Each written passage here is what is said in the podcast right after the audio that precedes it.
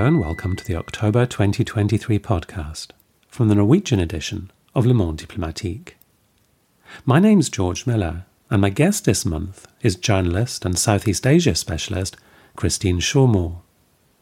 Christine has a piece in this month's edition of the paper on the chaotic urban development in Phnom Penh, in which she looks at the Cambodian capital's huge expansion in the past couple of decades as a way of framing the wider changes in the country since its civil war ended in the 1990s. This summer, the man who has dominated Cambodian political life for the past four decades, Prime Minister Hun Sen, stepped down. Though his influence is unlikely to be over, as he's been replaced by his son. Under Hun Sen, Cambodia experienced rapid economic growth, reflected in the rising skyline of the capital and its grand monuments to him. But his exercise of power has been ruthless, with opponents of the ruling Cambodian People's Party suppressed and silenced.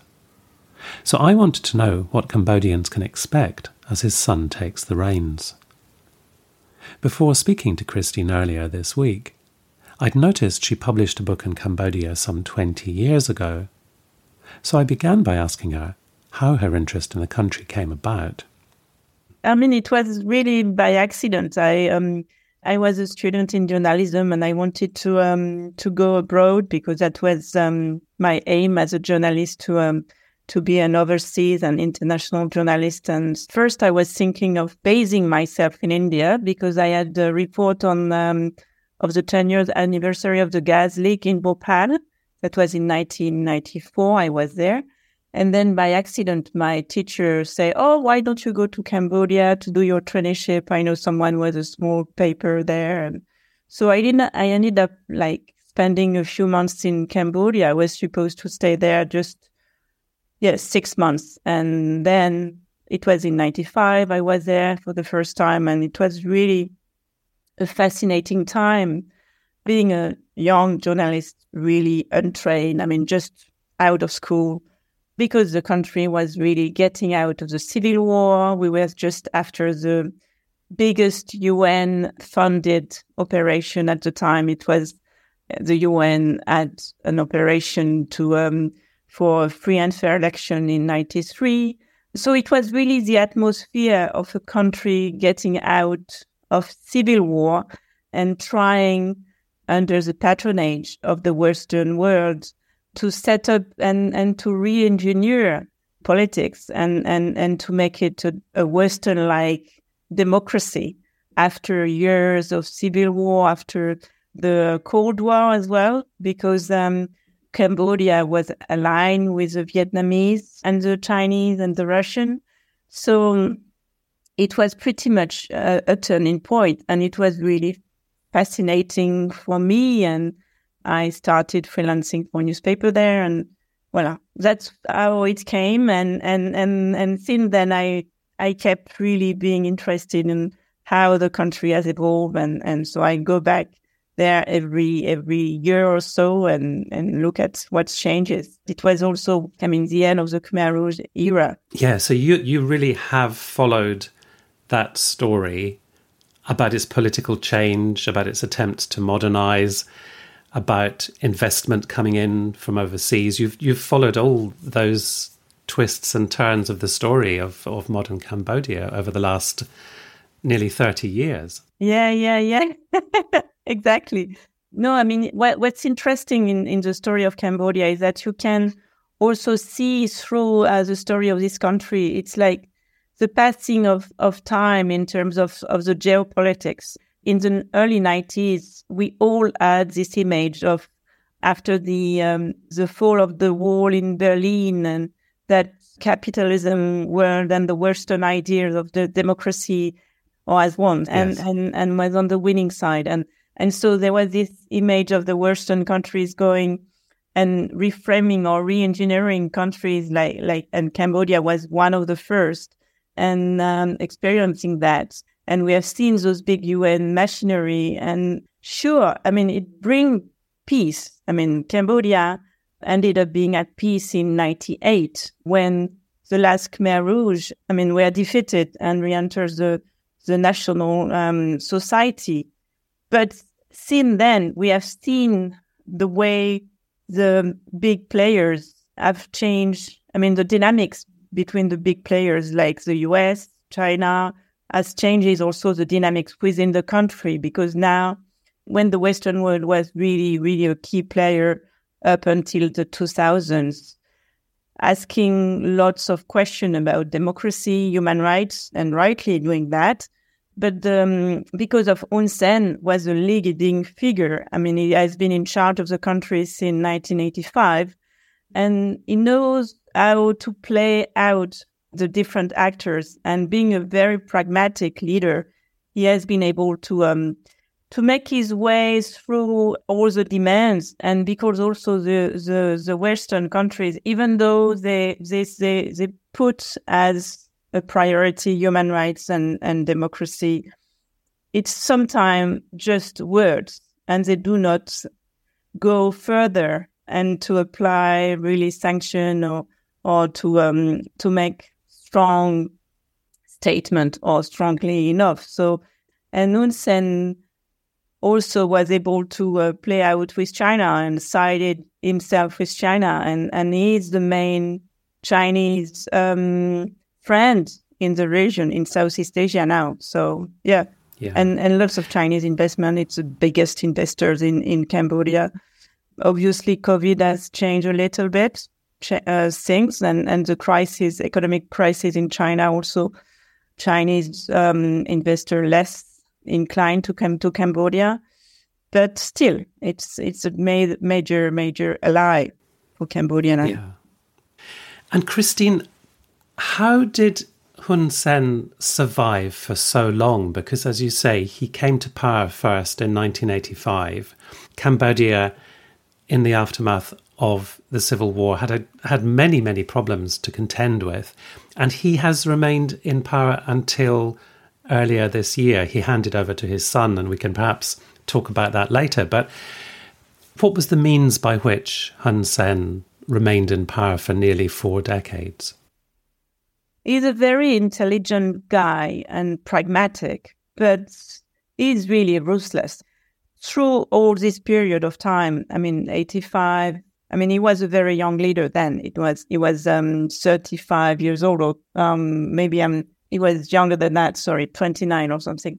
Yeah, as you say, they are survivors. I mean, those guys are survivors. And Hun Sen uh, was first uh, a commander of the Khmer Rouge. I mean, to start with, in, in the during the civil war in the 70s, he joined the Khmer Rouge.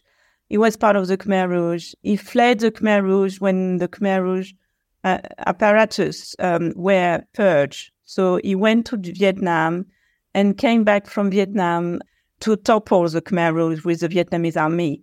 So he has been trained as as a soldier.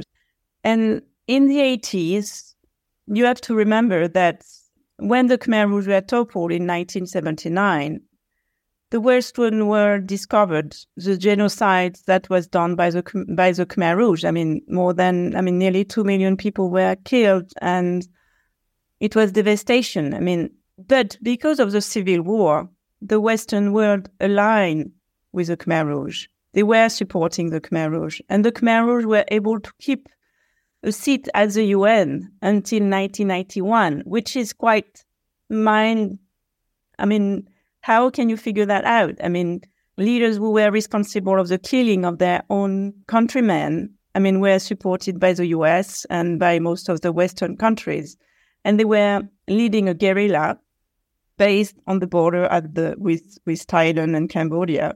So there was a, a, a, on one side you had the Western world, on the other side you have Cambodia with with with, with the Vietnamese and, and Russian being supporting them.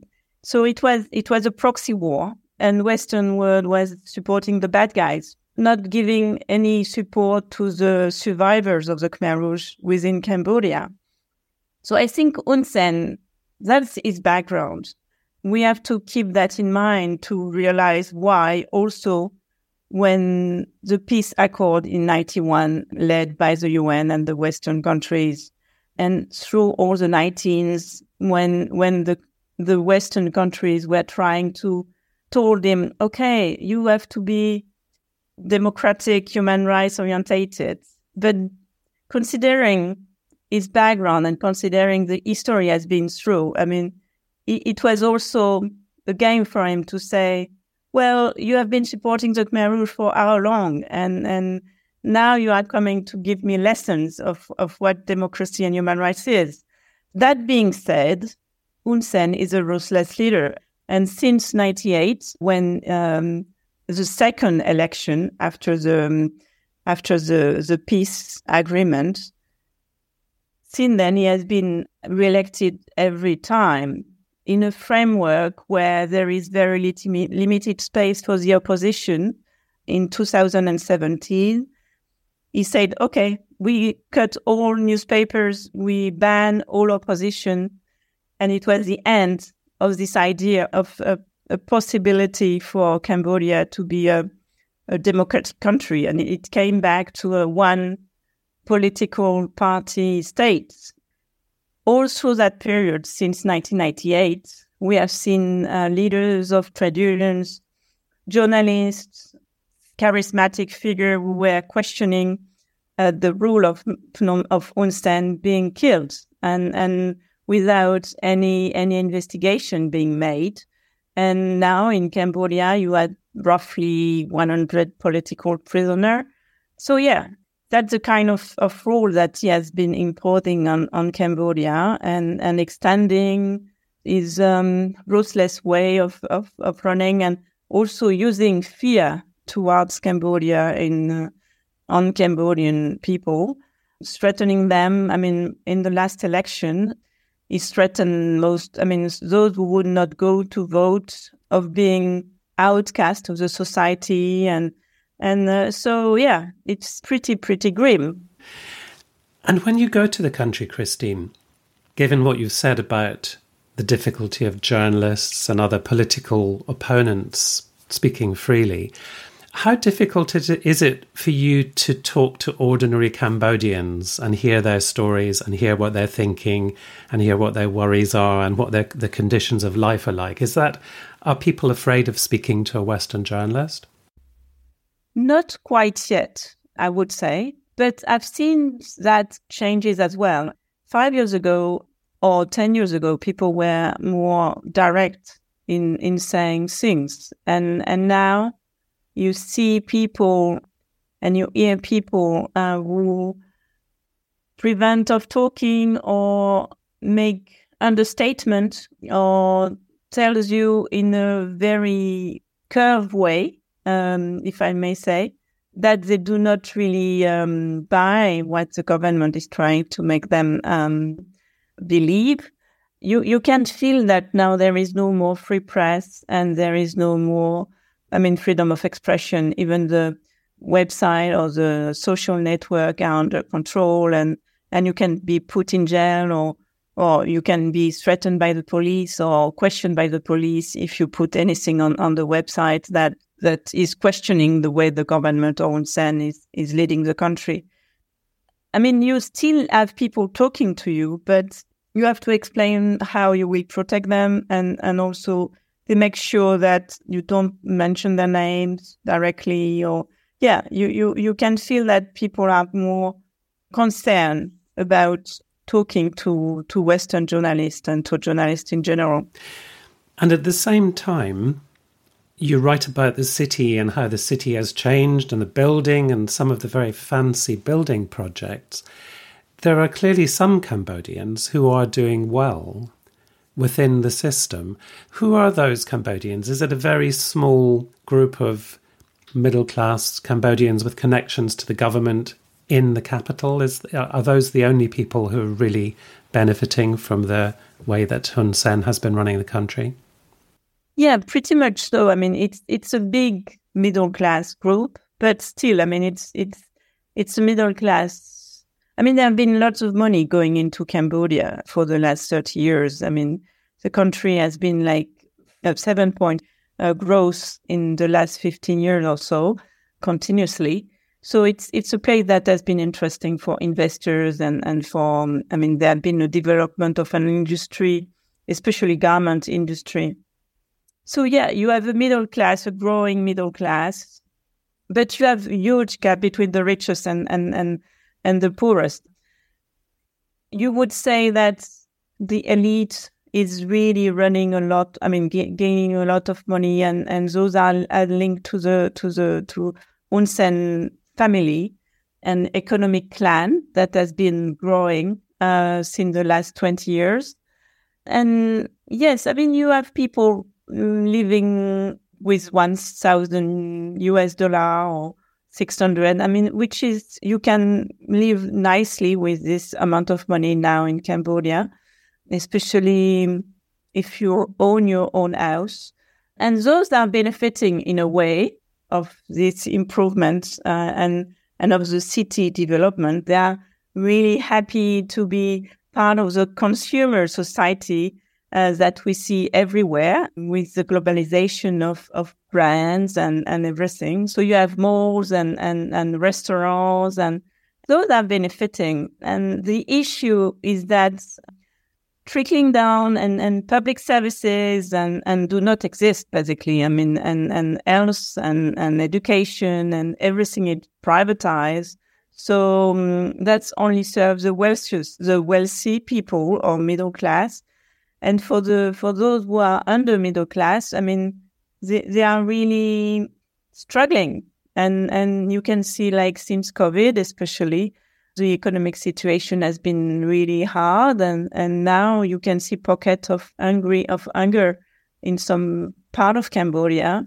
You can see lots of problem in, in places in provinces where um, you used to have a really lively, far, I mean, lively, maybe it's too uh, strong a word, but you, you, where, I mean, people were growing rice and, and now it's really hard for them. And so villagers, I mean, people had to go abroad to employ themselves. And in villages, you see the, the little one, the kids being looked after by, by their grandparents because, um, a big chunk of the of the workforce are going to for to look for illegal work in Thailand. So yeah, you have discrepancy quite yeah. quite big between the city uh, like like Phnom Penh, where everyone wants to go. I mean, because it's it's um, easy to find some odd jobs, and the, the rest of the country basically.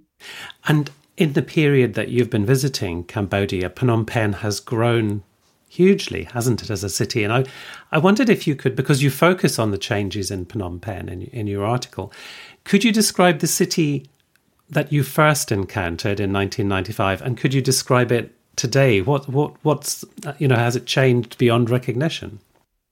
Yeah, I mean, 95 was, it was really a small city, very green, uh, lots of lakes, and very peaceful, and virtually no cars everyone was going on on moped, uh, motorbikes, or cyclos, and it was not spread out. I mean, it was really concentrated within the dike. I mean, because the, the city had been built all through the 19 start of the 19th century and around dikes to protect it from from the floods of the Mekong and the, of the Tonle Sap River, and and the system of the lake were a way to um, to protect it from also heavy rain during the monsoon. And um, I mean, you could um, uh, row on, on, on some of the lakes, and uh, it was fresh air and very different from uh, from Bangkok or Singapore in the 90s. I mean, because already Bangkok and Singapore,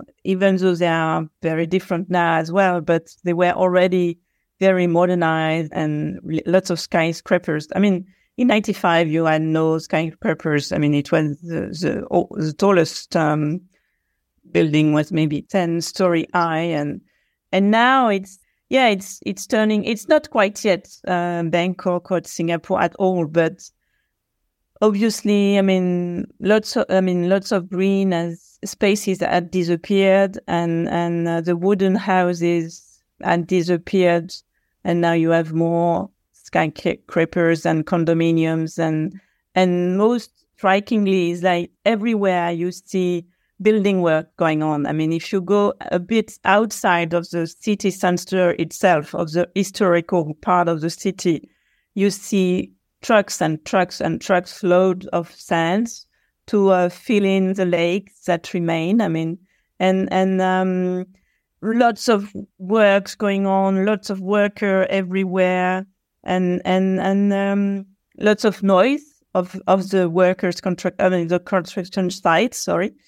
So it's it's changing rapidly. I mean, um, uh, there was a gap in between. I did not go there, and and nearly I did not recognize the place because it had changed so fast.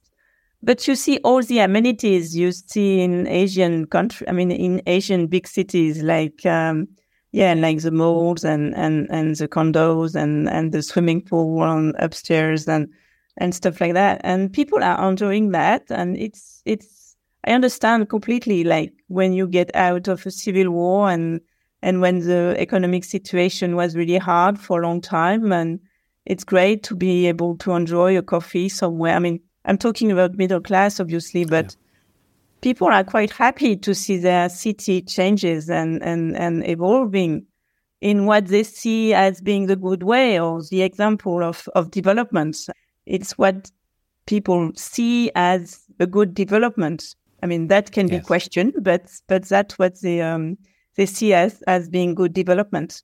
Yeah, so that's understandable and some people are having a better life and you know that's that's entirely understandable that some people want to take advantage of that but you mentioned the filling in of lakes and you mentioned there used to be a system of dikes to protect the city from flooding and i wondered what kind of environmental protection does the city have now is it truly much more vulnerable because of this uncontrolled, unplanned. It seems like there isn't really a plan for the whole city. Perhaps a developer gets the permission to build a particular development, but nobody's really thinking about the city as a as an organism, and so there are vulnerabilities there.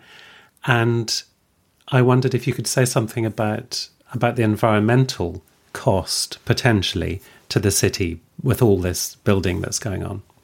Yeah, I mean, it's really hard to say how the city will be livable in, in, in the future because um, the, the filling of the lake has increased the flooding, even though the government is saying the contrary. I mean, that it's not linked to the filling of the lake that the flooding.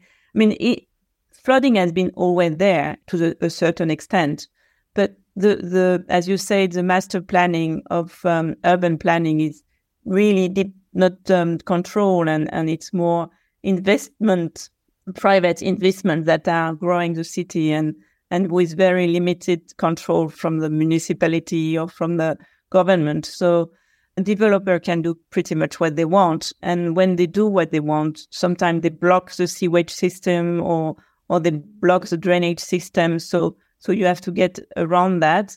And as the city has grown so fast in so li- limited time that the drainage system has not been developed at the same pace. So you have this issue of flooding, but you have also issue of um, heating. I mean, I mean, people are saying that during a heat period, when when the the temperature are very high, it's very hard to stay inside their apartment because uh, even even sometimes air conditioning is not working, so they have to be out, and they have no much green space, green parks so they don't know where to go to be in fresh air.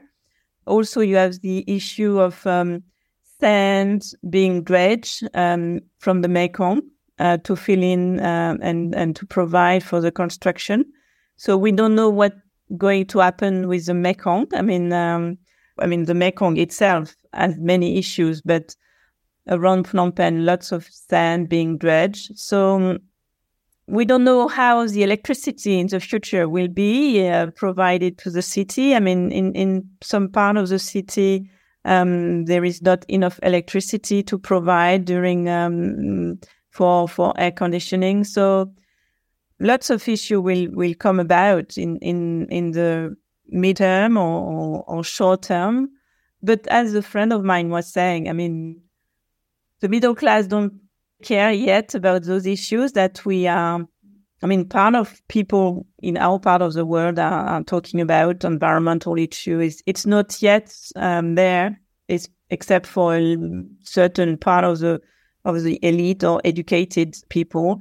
But most of the people, I mean, they are thinking of how they will feed themselves or how they will provide for their kids to go to have a good education and, and for the daily life rather than talking about future issues and, yeah. and environmental issues. I mean, and people are happy to have uh, cars. I mean, cars, it's like the, the way to go to in Phnom Penh. So now you have blocked streets and, and, and the pollution, air pollution is starting as well. So yeah, it's going to be like any big city in the West, basically.